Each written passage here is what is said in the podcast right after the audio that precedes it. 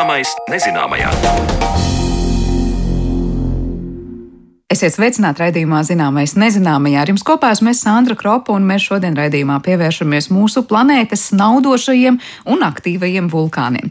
To, kas šajā jomā jauns un aktuāls izpētīt. Gada sākumā stāstījām par Tongas vulkānu izvirdumu, kas ir viens no spēcīgākajiem izvirdumiem zināmajā vēsturē. Tā radītos viļņus izjuta pat ziemeļu puslodē, un izvirdumu spilgti vērot varēja arī Zemes atmosfērā. Par to, kādu ietekmi radīja janvārī izvirdušais Tongas vulkāns, kāpēc tā sekas vēl ar vien tiek pētītas tik ilgi pēc izvirduma, un kas notiek ar citiem mūsu planētas vulkāniem, par to runāsim jau pavisam drīz. Bet pirms pievēršamies vulkāniem uz Zemes, uzzināsim, kā radies mūsu pavadonis mēnesis. Teorijas par mēnesi izcelsmi ir vairākas. Ticamākā no tām ir 1975. gadā publicētā Planetārā zinātnes institūta pētnieku teorija par to, ka Pirms 4,5 miljardiem gadu, kad veidojās Zeme, tajā ietriecās milzu objekts. Pēc šī trieciena ap Zemi izveidojās putekļu un atlūza disks, no kura tad arī radies mēnesis. Kādi ir citi pieņēmumi un vai šodien ir izdevies izzināt ko jaunu par mēnesi rašanos, par to Zana Lāca Baltāksne izjautās astronomu Ilgoni Vilku. Laikam jāsāk ar to, ka mēs acīm redzot nekad neuzzināsim viennozīmīgi, kā mēnesis ir radies, jo tas notika 4,5 miljardus gadu atpakaļ. Un mums būtu vajadzīga laika mašīna, lai dotos pagātnē un šos notikumus novērotu. Bet vismaz pagaidām mūsdienu zinātne saka, ka laika mašīnas nav iespējamas. Tas nozīmē, ka varam spriest tikai par to, kā mēnesis un zeme izskatās tagad, un no tā attiecīgi secināt, kā tie varēja izskatīties šajā tālajā pagātnē. Zemes vienīgais dabiskais pavadonis mēnesis ir četreiz mazāks par mūsu planētu. Tas riņķo ap Zemi 27 dienās un 7 stundās. Uz mēnesis nav ūdens tvaiku, gaisa, vēja, nokrišņu, kā arī mēnesim nav atmosfēras, jo tā gravitācijas spēks ir pārāk mazs, lai noturētu gāzes molekulas. Tā kā uz mēnesi nav atmosfēras, tad cilvēkam tā ir pavisam nepiemērota vide dzīvošanai. Bet šeit uz Zemes, pateicoties šim pavadonim, mēs varam tikt klāt pie daudziem derīgiem izrakteņiem, un arī mēnesis paisumi un vēgumi ietekmē ļoti daudzu radību dzīves ciklu. Bet par to, kā mēnesis ir radies, es attālināti ierakstītā intervijā iztaujāju Latvijas Universitātes astronomijas institūta pētnieku, pedagoģijas zinātņu doktoru, astronomu Ilgoni Vilku. Līdz šim zinātnieki ir izvirzījuši četras teorijas par to, kā ir veidojies mēnesis. Trīs no tām ir atspēkotas kā neticamas. Pirmā teorija skan šādi: Mēnesis ir veidojies vienlaikus ar Zemi, sablīvējoties putekļu un gāzu mākoņiem. Pirmā tā pati senākā bija, ka jā, mēnesis veidojās vienlaikus ar Zemi, tad, kad veidojās visa Saules sistēma. Nu, piemēram, izveidojās planētas šajā riņķojošajā gāzu un putekļu diska apkārt topošajai zvaigznei Saulē, un tādi paši mazāki diski varēja būt arī ap lielajām planētām, piemēram, ap Jupiteru. Tā noteikti izveidojās četri lielie Jupitera pavadoņi. Bet, kas attiecas uz mēnesi, jautājums ir sarežģītāks, tāpēc, ka Zeme ir maziņa, un viņai tas disks, pat ja būtu bijis, būtu krietni mazāks. Tad mēs iztēlojamies, ka Jā, tam materiālam, no kura veidojās Zeme un Mēnesis, vajadzēja būt visam ķīmiski vienādam. Un uh, Zemē iekšā ir ļoti daudz dažādu metālu, gan dzelzs, gan niķels, un savukārt uz Mēnesi šo smago metālu ir krietni mazāk. Tas bija varbūt viens no pirmajiem apsvērumiem, kas lika pētniekiem sākt domāt par to, ka Mēnesis ir varbūt radies kādā citā veidā. Otrā versija Savulaik mūsu planēta ir griezusies tik ātri, ka mēnesis ir no Zemes sadalījies gabaliņš. Lūk, šādas e, teorijas par to, ka gan planētas atdalījās no ātri rotējošas Saules, gan Mēnesis varbūt atdalījās no Zemes, bija ļoti populārs tieši pirms simts gadiem. Bija tāds amerikāņu astrofiziķis James Džīns, kurš popularizēja šādas idejas. Bet pēc tam arī rūpīgāk jau veicot aprēķinus, šī ideja tika noraidīta, jo tādā gadījumā Zemē sākotnēji vajadzēja rotēt daudz ātrāk. Pēc vērtējumiem, starp citu, zināms, ka tajā laikā apmēram, kad mēnesis veidojās, Zeme rotēja ļoti ātri. Jā. Dienas diennakts garums bija kaut kāds 4 līdz 5 stundas, salīdzinot ar mūsdienu 24 stundām. Bet vienalga tas bija nepietiekami, lai Zeme no sevis kaut ko centrapēdas efekta dēļ varētu izsviest ārā. Tad viņai vajadzēja griezties vēl, vēl daudz ātrāk. Nu, līdz ar to arī šī teorija tika noraidīta. Trešā teorija vēstīja, ka Zemei garām ir lidojis kāds debesu ķermenis, un to piesaistīja Zemes gravitācijas spēks. Tā sakot, ka Zemē garām lidoja kāds liels debesu ķermenis, nu, tas pats mēnesis nākamais, un ka Zeme viņu noķēra. Mēs zinām, ka šādā veidā ir lielās Saules sistēmas planētas, Jupiters un Saturns noķēruši sev tādus mazus satelītus, kas riņķo ap tiem pa dažādām orbītām, gan tajā pašā virzienā, kur planētas griežas, gan arī pretējās, bet tie ir maziņi asteroīdi. Un lūk, atkal aprēķini rādīja to, ka tādā gadījumā Zemē vajadzēja būt ļoti biezai un tālu kosmosā izstieptajā atmosfērā, lai šis debesu ķermenis ne tikai palidot garām un um, bremzētos gravitācijas spēka dēļ, bet arī bremzētos šajā atmosfērā. Bet savukārt atkal citas dažādas geoloģiskas, ķīmiskas liecības rāda, ka Zemes atmosfērā agrāk ir bijis cits ķīmiskais sastāvs, jā, bet viņa nav bijusi būtiski blīvāka un biezāka. Līdz ar to nu, arī šī ideja tika atmesta. Ceturtā un līdz šim atzītākā teorija izskanēja 1975. gadā. Proti, savulaik Zemē ir ietriecies liela izmēra, apmēram Marsa lieluma objekts, un šī trieciena rezultātā ir radušies atlūzu gabali un izveidojušies par mēnesi.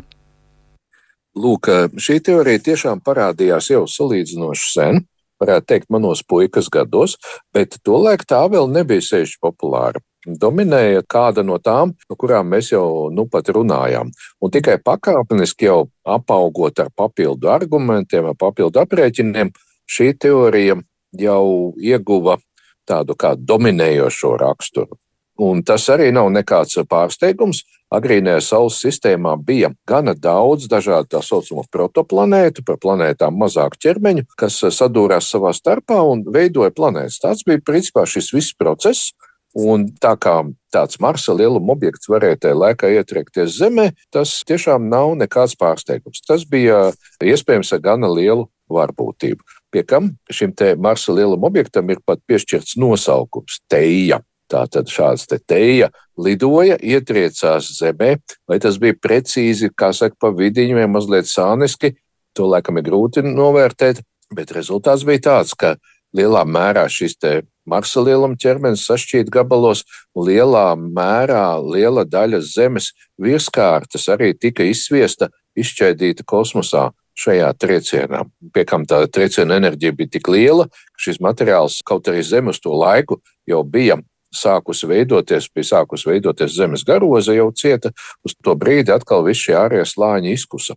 Un pēc tam jau kādu dažu zemes rādījus attālumā no mūsu planētas, sāka no šī materiāla tad veidoties gravitācijas spēkam, darbojoties savilkās kopā mums mūsdienās pazīstamais mēnesis. Mēs varam mēģināt iztēloties, kas tur īsti notika. Tātad kosmosā tika izsviesta gan daļa zemes vielas, gan liela daļa šī debesu ķermeņa, no kuras savukārt centrālā daļa varbūt ir iegrimusi mūsu zemē iekšā. Tā kā tur notika sajaukšanās, šo ķīmisko materiālu dažādo sajaukšanās. Un ko es šajā momentā gribētu piezīmēt, ka kas priekš mums varbūt izrādījās ļoti būtiski. Proti, tas, ka tādā veidā no Zemes iekšējiem slāņiem, kur jau bija notikusi tāda kā nogulsnēšanās, metāli bija jau nogulušies vairāk iekšpusē un vieglie ieži ārpusē, tad notika atkal uzvandīšana, tādā veidā mūsu planētas ārējā daļā nonāca dažādi metāli. Mēs tagad mūsdienās atrodam dzelzrūdas, vāra rūdas, dažādus citus metālus, kuri, ja nebūtu notikusi savulaik pirms 4,5 miljardiem gadu šāda katastrofa, kur atrastos daudz lielākā dziļumā, nevis dažu kilometru dziļumā, bet simtiem kilometru dziļumā, kur tie faktiski būtu nepieejami. Un savukārt šie metāli mūsu civilizācijai ir ļoti vajadzīgi. Tā kā tas varētu būt, manuprāt, pats svarīgākais labums no tā, ka šāda katastrofa savulaik notika un mēnesis izveidojās. Lielākais labums, ko mēnesis mums ir devis. Taču tie nebūtu nav vienīgie labumi, ko mēs šeit uz Zemes iegūstam no mūsu pavadoņa. Arī klimatu ietekmē mēnesis. Par to turpina Ilgonis Vilks. Ir mazliet cits stāsts par to, kāds Zemē ir labums no mēneša. Tie labumi ir visādi. Tā kā Zeme ir tāda kā dubulta planēta, mēnesis ir tikai četras mazāks par Zemi, un rīķo mūsu planētē salīdzinoši tuvu. Līdz ar to mēnesis stabilizē mūsu planētas griešanos. Viņš stabilizē Zemes asas noliekumu. Tad, kad mēs raugāmies uz skolas geogrāfijas globus, mēs redzam, ka viņam tā asa ir slīpa.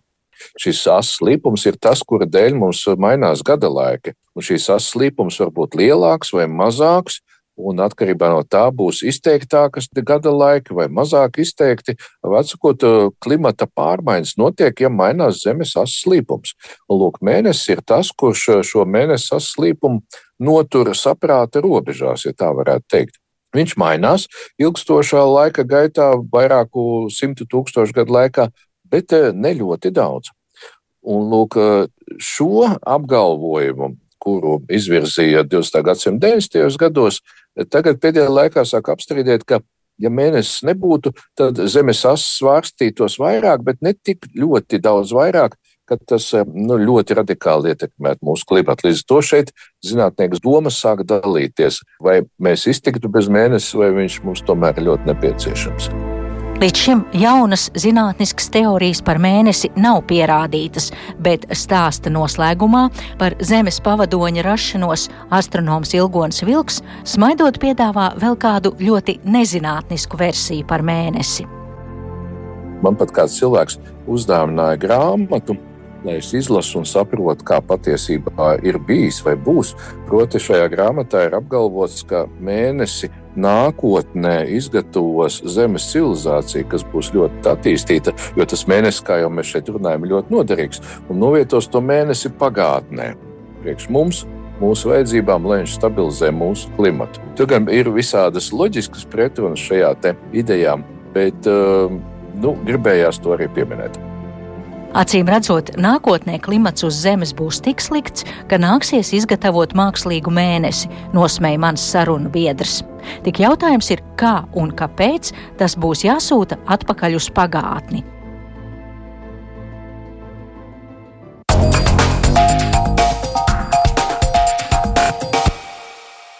Tik tālu par mēnesi izcelsmi, bet raidījuma turpmākajās minūtēs pievēršamies vulkāniskajai aktivitātei uz mūsu planētas.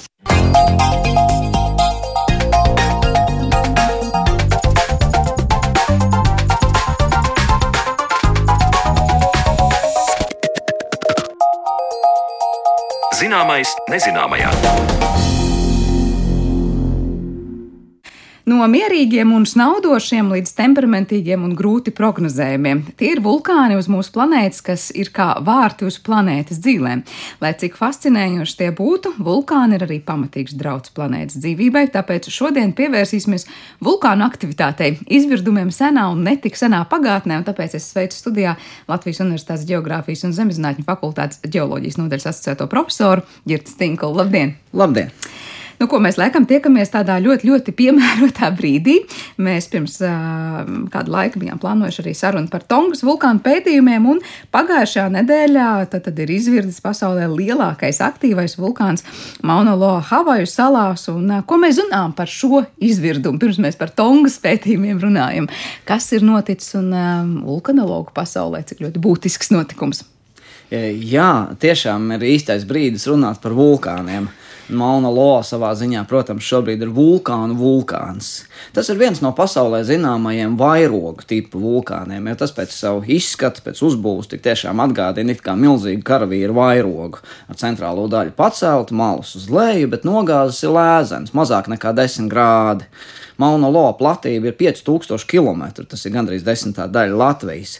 E, tas ir varens kalns, un no ģeoloģiskā viedokļa to mēs varam pat uzskatīt par pasaules augstāko kalnu. Kādēļ?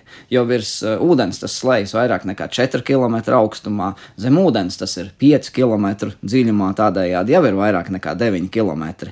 Bet uh, saskaņā sakarā ar šī milzīgā kalna un vispār Havaju salas kā tādas grimšanu astenosfērā ir vēl uh, tātad šis iegrimšanas efekts pa 8 km. Tātad litosfēra šajā vietā ir iegrimusi pa 8 km. Tas nozīmē, viņš kļūs arvien lielāks? E, jā, un tas ir arī agrāka procesa rezultāts. E, tādējādi, ja mēs to piesumējam klāt arī šo neredzamo daļu, kur litosfēra ir iegrimusi, sanāk veseli 17 km.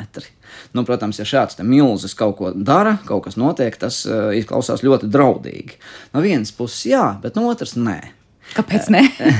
Mauna Loa jau izsenis ir pazīstams kā tāds mierīgs un prognozējams vulkāns, jo eh, šiem te vairoga tipu vulkāniem izplūst bazaltu lava. Eh, mēs to varam saukt arī par bāzisku lavu, jeb par eh, mafisku lavu. Šī lava ir karsta, bet tā ir šķidra un eh, tā ne, neveido korķus vulkāna iekšēnē. Tādējādi ir minimāli šie sprādzienu riski. Jā, izdalās vulkāniskās gāzes, jā, plūst lava, bet uh, ir aptuveni zināms šie lavas plūsmas virzieni, tas viss ir prognozējams, ir pat sagaidāms, kur tā lava apstāsies apmēram, uh, bet, nu, protams, tur var rasties arī kaut kādas izmaiņas. Tā, piemēram, šobrīd ir zināms, ka lava ir aizplūdusi aptuveni 20 līdz 25 km no, no krātera. Tas ir būtībā dati uz 30. novembri novembri eh, par, par šo. Eh, un eh, lavas plūsmas ātrums ir mm, šķiet jā, tur es varu sajaukt kaut kādu 50 metru stundā aptuveni. Tas salīdzinoši lēns process. Jā, nu, jā nu, būtībā cilvēks var no tā aiziet. Protams, ka draudi tiek radīti autoceļiem. Šobrīd viens autoceļš tiek apdraudēts. Nu, protams, arī apdzīvotajām vietām. Tas viss ir slikti, bet nu, cilvēki var aiziet no turienes, aizbraukt, evakuēties jebkādā veidā. Es saprotu, arī šobrīd tas vulkāns, nu, tik cik ir pasaules mēdījos dzirdēts, ka cilvēki ir diezgan mierīgi, patiesībā pat ieinteresēti paskatīties, kāds no notiek tieši šī iemesla dēļ, ka ir iespēja evakuēties, ja nu vajag, un tā prognoze tad ir diezgan precīza.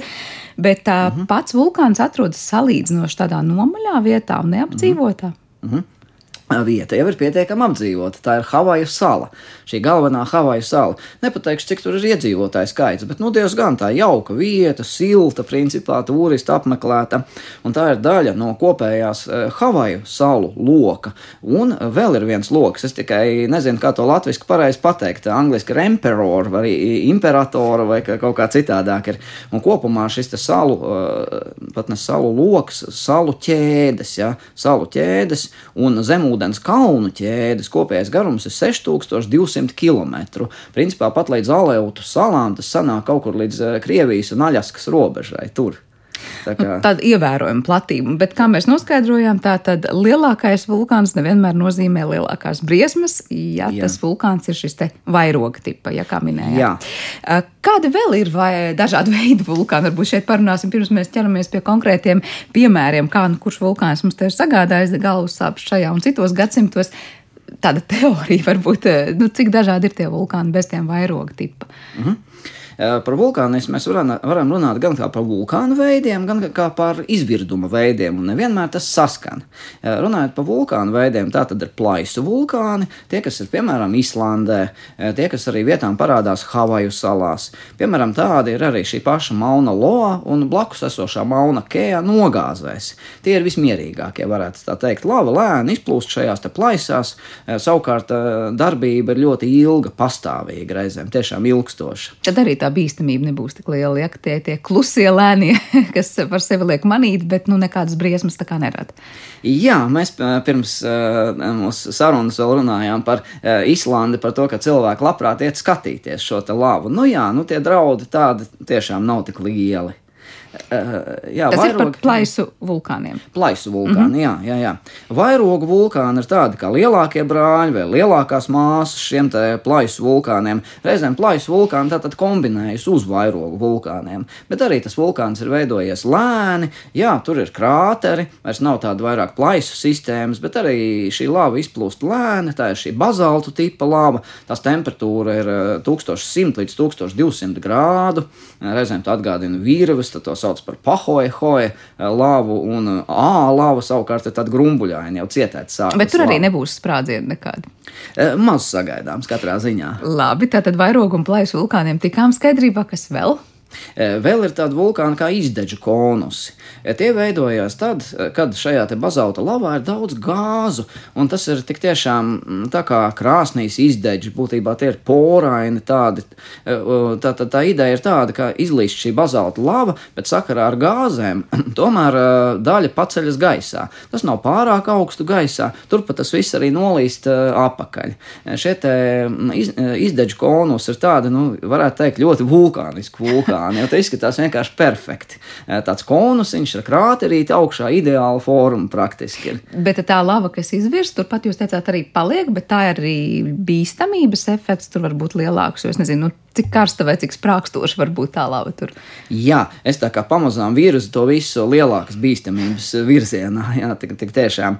Uh, izdeģu konus piemērs ir tāds parikutins, uh, vulkāns Meksikā, kas izvirda no 1943. līdz 1951. gadam. Tas bija neparasts pārsteigums. Zemniekam kukurūzas lauka vidū pēkšņi sākt augt konus. Un, uh, ja es nekļūdos, tad pirmās uh, nedēļas laikā tas izauga par 50 50 metriem, un mēneša laikā tas izauga par 150 metriem. Galu galā sasniedzot augstumu vairāk nekā 400 metru.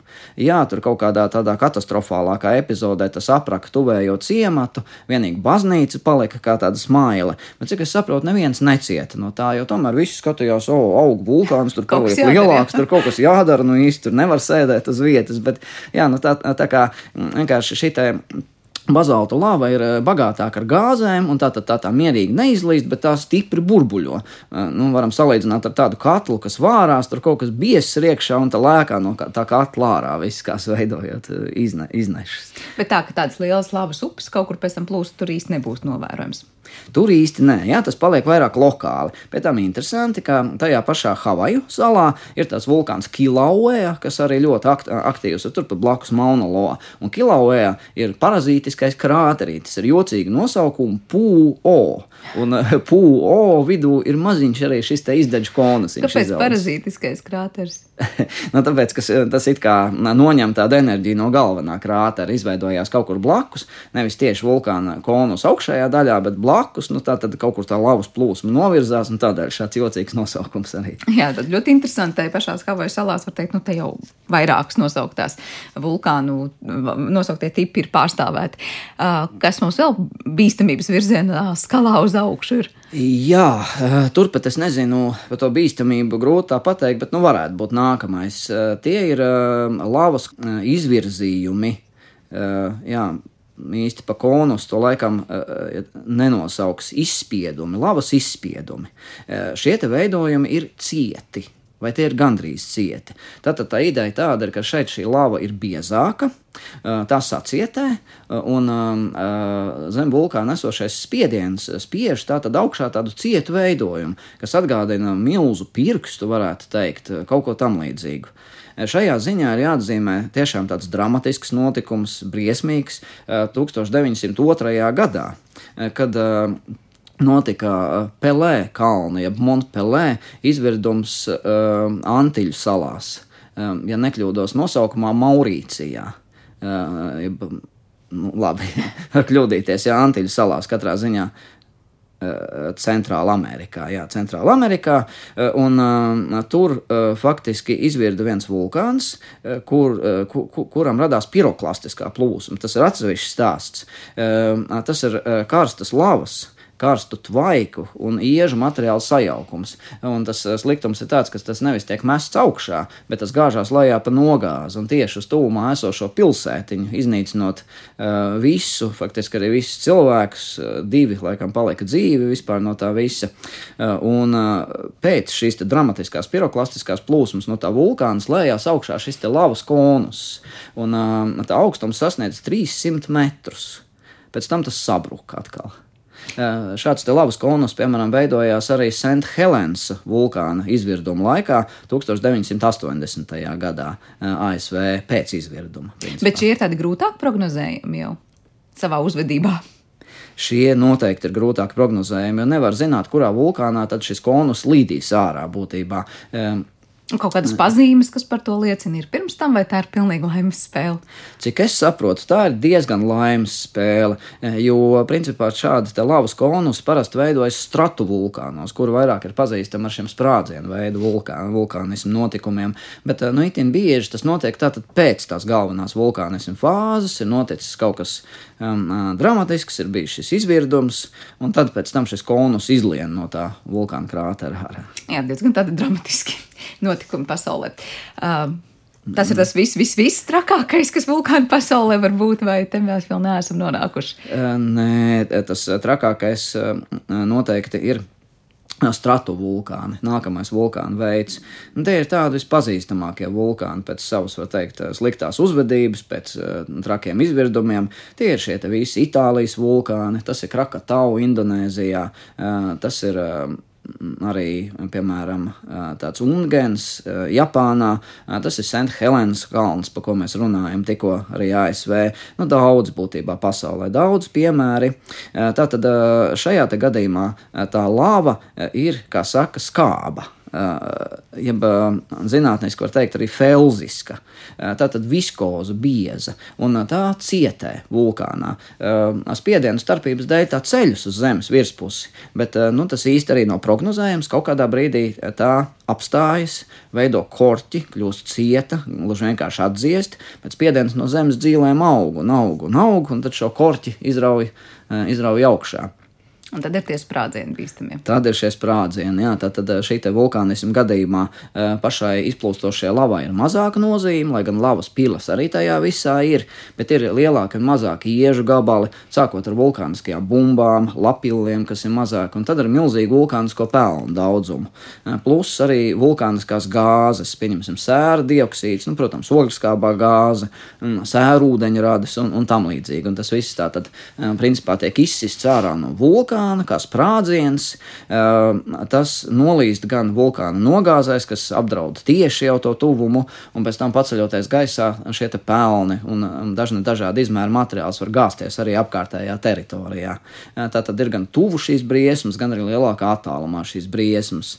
Un to briesmu Protams, tas lielums ir atkarīgs no paša vulkāna izmēra, no šī konkrētā sprādziena lieluma, un to nu noprognozēt patiesībā ļoti grūti. Un droši vien arī tā, kur tas vulkāns atrodas zem ūdens, kaut kur okeānā vai kaut kur sauszemē, vai ne, jo tad atkal Jā. tās sekas būs ļoti, ļoti atšķirīgas. Nu, tā nu tiešām ļoti dažādi to vulkānu, un tiešām atbild uz jautājumu par to, vai lielākais vulkāns nozīmē lielākās briesmas, tad tika ilustrēta ļoti plaši. Tā tad ne obligāti, jo tas lielākais dažreiz var būt pēc tā tipa tas mierīgākais un prognozējumākais. Jā. Mums te gada sākumā, kad mēs arī citu, tikāmies mm. sarunā arī par vulkāniem, mēs runājam par to, ka bija izvirts Tongas vulkāns. Un tas bija tiešām nu, ļoti ievērojams notikums. Es saprotu, ka to jūtu un fiksēju milzīgos attālumos. Varbūt mēs varam atgādināt klausītājiem dažos vārdos, kas tad īsti bija tas īpašais Tongas gadījumā un ko pa šo gadu ir izdevies zinātniekiem jaunu izpētīt. Jā, tas ir bijis ļoti interesants notikums. Diemžēl prasīs arī cilvēku dzīvības, bet uh, tomēr uh, relatīvi nav bijis tik traki. Vairāk ir tādi postījumi, kas acīm ir palikuši neredzami. Tātad vulkāna, vulkāna izvirdums notika 14. līdz 15. janvārim. Un tik tiešām šis ir interesants ar to, ka tas bija zemūdens vulkāns. Vulkāna konus atradās aptuveni 200 metru zem ūdens līmeņa. Tātad tā ir Hunga Tonga, Hunga Hāpai vulkāna tāda sistēma. Kādēļ tik sarežģīta nosaukuma? Tur ir divas saliņas, kas ir kopā. Bet no tiem tipiem, ko jūs tikko raksturojāt, tad Tongas vulkāns bija vairāk kuram piederīgs? Uh, stratovulkāns. Tad, tas ir no tas, tas bīstamākais. Tas bīstamākais veids, jā, jā, jā. Uh, tas atrodas vietā, kur klusā okeāna plātne, pa, pa laikam mierīgi, bet pa laikam ar tādiem uzplaiksnījumiem, ar straujākiem notikumiem, uh, iet apakšā zem Indijas, Austrālijas litosfēras plātnes. Diezgan klasiska vieta, kur var veidot veidoties vulkāns. Tā tad subdukcijas zona. Viena plātne paiet zem otras.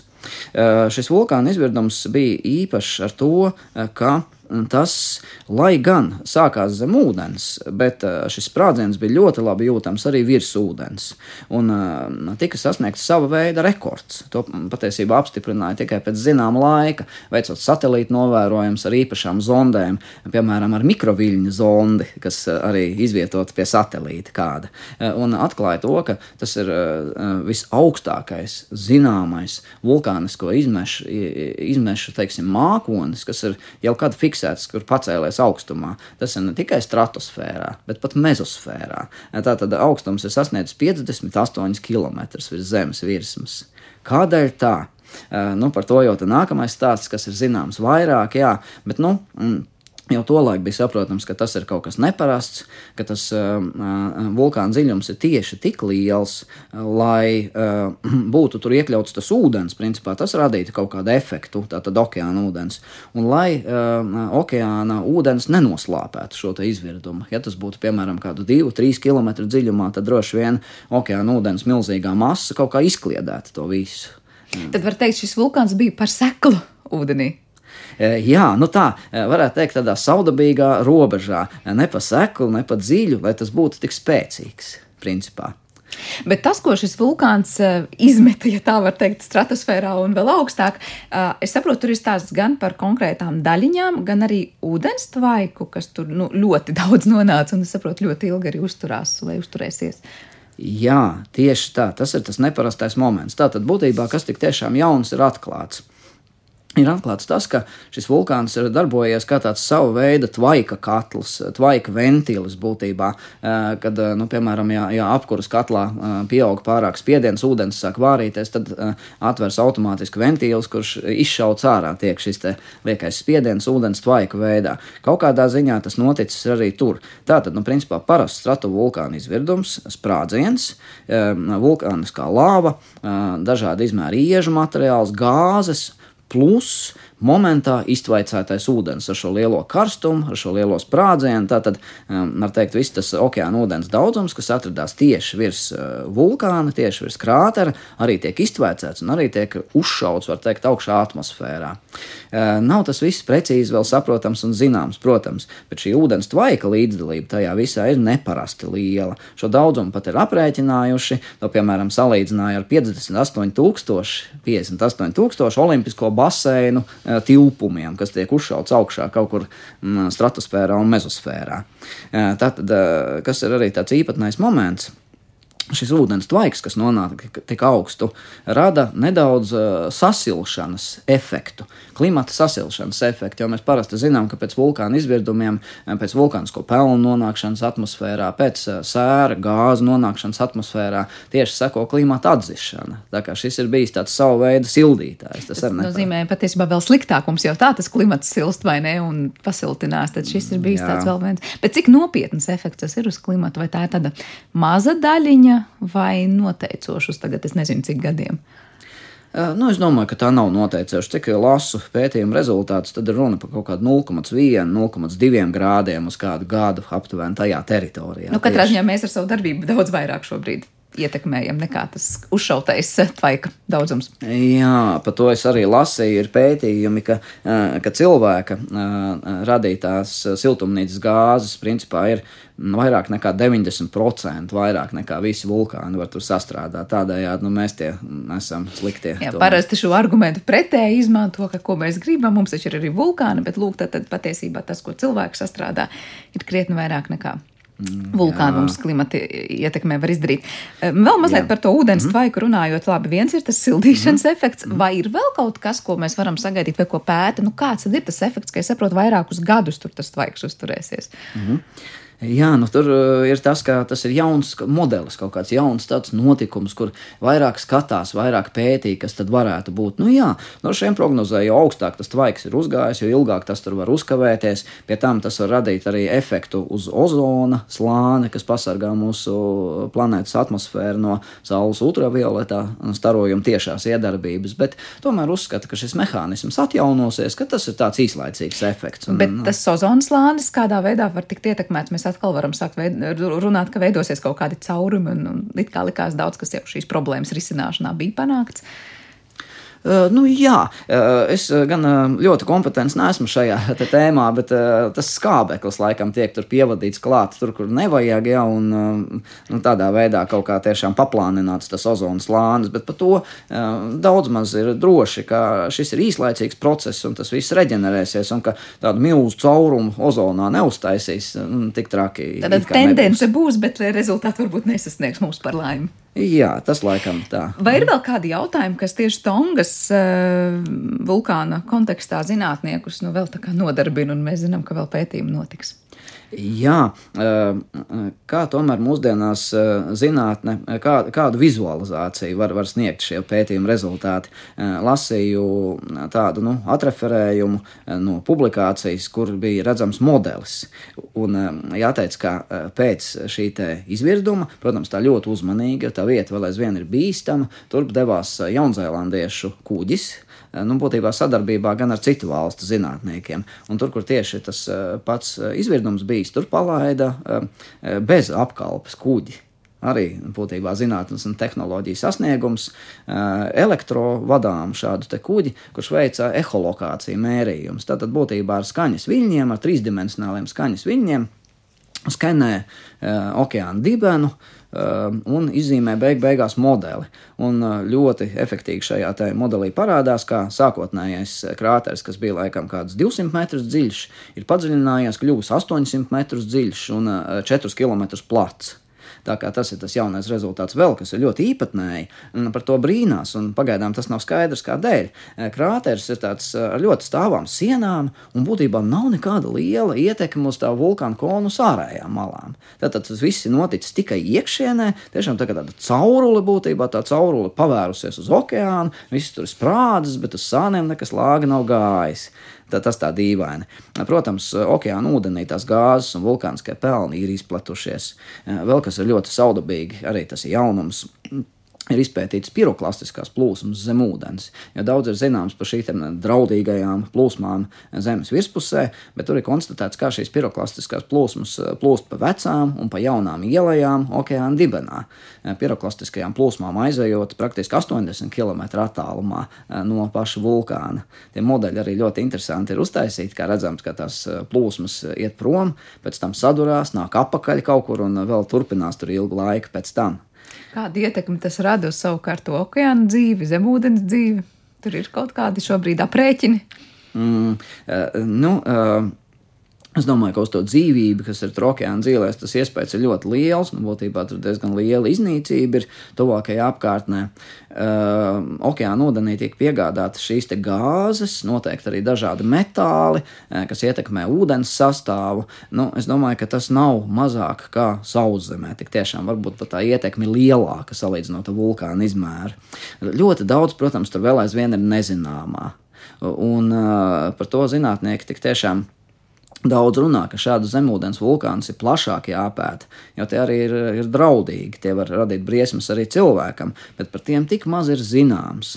Uh, sakarā ar šiem pētījumiem turpat tuvākajā apkārtnē ir atklāti vēl citi zemūdens vulkāni, par kuriem vispār nebija zināms, ka tie ir izvirduši, un šādi pētījumi turpinās. Bet tas, ko jūs teicāt, zem ūdens esošie vulkāni ir bīstami vai bīstamāki cilvēkam, kā tur sanāk? No vienas puses liekas, nu tad, kad notiek kaut kas varbūt zem ūdens, varbūt tur tās ietekmes ir vairāk zem ūdens ūdens pasaulē, protams, nedraudzīgs, bet nu, cilvēks tiek pasargāts, vai savukārt, kā jūs teicāt, kaut kāda daļa tiek nobremzēta. Vai savukārt visi tie sekojošie tsunami viļņi vai kaut kas tāds, kas var veidoties, ir savukārt tas, kas liek teikt, ka tieši zemūdens vulkāni ir bīstamāki cilvēkam. Kā tur īsti ir? Nu, kopumā jau runājot, droši vien tie virsūdens vulkāni, sauszemes vulkāni tomēr būs bīstamāki, jo viss, kas ir, tas nonāk uzreiz uz zemes. Ehm, bet eh, par tiem zemūdens vulkāniem tur eh, galvenais ir tā neziņa. Tomēr daudz mazāk informācijas ir pieejams. Nu, būtībā šāds Tongas vulkāns jau ir ļoti draudīgs. Piemēram, ja kaut kas tam līdzīgs notikt apdzīvotākās vietās, kaut vai, mm, es iedomājos, eh, Filipīnās vai Indonēzijā vai vai būtu Japānas tūmā, kaut kur tur eh, tie iespējas var būt ļoti lieli. Eh, jo jā, tie karstie tvaiki un piroklastiskās plūsmas nu, var nonākt arī virspusē. Un vēl, protams, kā jūs teicāt par tsunami viļņiem. Arī šajā gadījumā ir bijuši diezgan uh, lieli tsunami viļņi. Ir zināms tas augstums līdz diviem metriem, bet kaut kur ir dati par vēl lielākiem arī tiem tsunami viļņiem. Un, ja tas skar tādas stipri apdzīvotas teritorijas, tas var beigties ļoti bēdīgi. Tā kā, nu, par to ir secinājumi zinātnieku aprindās, vulkanologu aprindās, pēc Tongas izvirduma, ka noteikti šie zemūdens vulkāni ir labāk jāapzina, kaut kādu monitoringu vairāk jāveic, ir jāpētī vairāk. Jā, nu, varbūt, kad labāk monitorējot un pētot, mēs labāk zināsim, ko sagaidīt, lai gan arī vulkānu pasaule, laikam, lai cik labi monitorēta, būs vienmēr ar pārsteigumiem bagāta. Ir vēl Jā. viens vulkāns, par ko mēs patiesībā nepaspējām vēl parunāt, bet es noteikti gribētu piesaukt, ja reiz mēs par tādiem rekordistiem runājam. Arī ļoti sens notikums 1883. gads, jā, tātad Krakatau vulkāns, un es saprotu, tas ir visu laiku pasaulē vis, vis, vislielākais reģistrētais troksnis, kas bija to, to laiku, kad izvirda šis vulkāns. Un šobrīd tam ir laikam modelis, ja, kuru pat var dzirdēt, kā, kā tas izklausītos, ja mēs šodien stāvētu kaut kur tuvumā šim vulkānam. Jā, tā ir. E, varbūt mazu atkāpīti uztaisīšu par Krakatau. Ir tā, ka es pieminēju šos vulkānu veidus, bet vēl ir arī izvirdumu veidi, kas var mainīties arī vienā un tajā pašā vulkānā. Tātad šajā gadījumā arī e, tādi sākot no vājāka izvirduma ar mazāku sprādzienu un beidzot ar, e, ar lielāku izvirdumu, ar lielāku sprādzienu un arī varbūt skaļāku troksni. Ir tātad pirmais ir šie Islandes tipa vulkāni, otrais ir Havaju tipa vulkāni. Nu, mēs būtībā par to runājam tālāk jau mēs nonākam līdz Itālijai, vairāk astromboli, vulkāna vai vulkano tipa, pēc tam Vezuva tipa, piektais ir principā, eh, tad uh, seko Montpelē, ko arī es pieminēju, kur tas konus beigās izveidojās. Eh, tad Krakatau, septītais, un uh, astotais būtībā stiprākais ir plīnija tipa izvirdums, kas ir interesanti. Plīnija izvirdums ir tajā pašā vezumā. Šis ir tas dramatiskais 79. gada izvirdums, kas apraka Pompeju pilsētu, principā. Tā kā varbūt pirms Krakatau ir bijis vēl kaut kas skaļāks un, un Nu, Tomēr jā. vēl briesmīgāks. Vai mēs varam kaut mm. ko vairāk uzzināt par to, kas ar to skaņu bija tik īpašs to laiku mm. un mhm. kāpēc tas bija tik skaļš? Mm -hmm. nu, uh, laikam jau ir tā, ka vienkārši šis sprādziens ir bijis tik liels.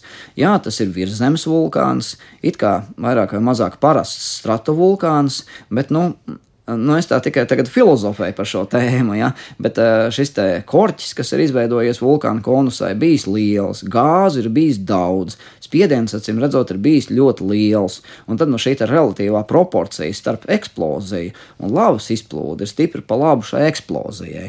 Tā tad, jā, tiek iežu materiāls, gāzes ar ļoti lielu ātrumu izraut atmosfērā, un tur tad arī šī skaņa rodās. Bet būtībā. es saprotu, te bija 310 decibeli, kas tā kā būtu atbilstoši, kurš par grūti grūti iedomāties.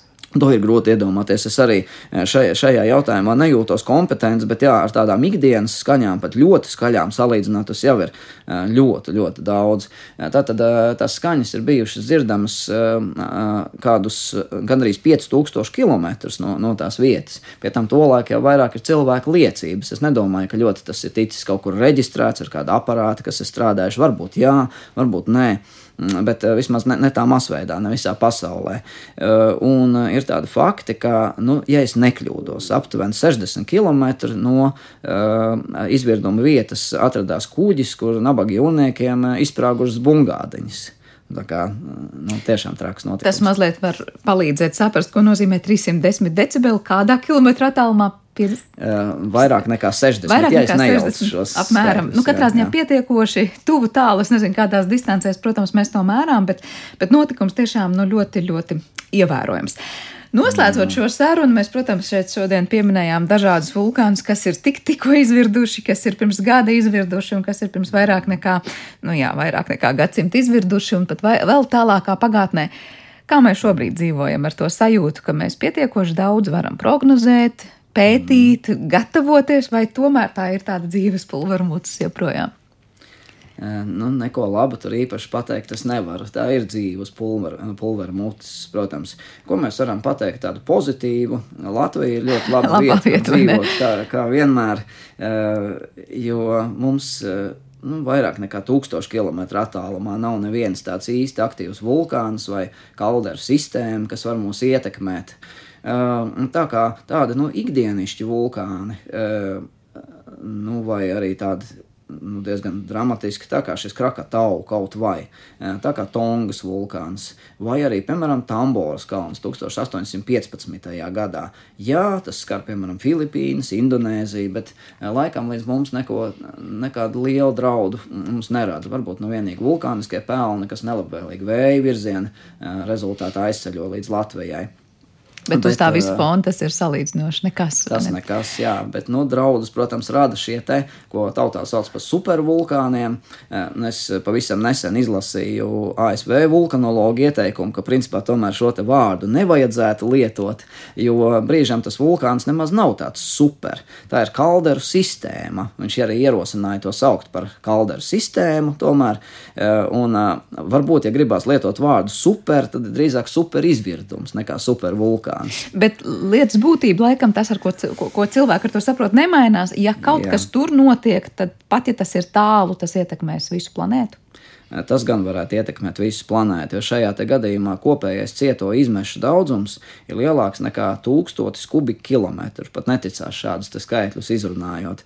Un šajā gadījumā Tie ir pelni ļoti plašā teritorijā, varbūt minimāli arī Latvijas teritorijā, bet vairāk ir šis klimatiskais efekts, jo tur nu gan tas pelnu daudzums ir tik liels, eh, ka tas var aizsegt saules starojumu uz vairākiem gadiem, eh, radīt eh, globālo klimata pavēsināšanos pat līdz kādiem trim grādiem, pat varbūt līdz pieciem grādiem uz vairākiem desmitiem gadu.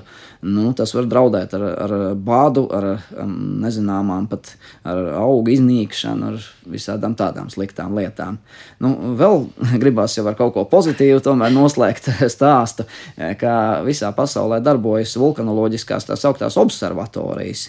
Um, sākot ar Gvatemalu, ar Japānu, ar ASV, ar Indonēziju um, un uh, daudzām, daudzām valstīm, uh, kur uzrauga šos nopietnos vulkānus un tomēr nu, skatās, kas tur notiek.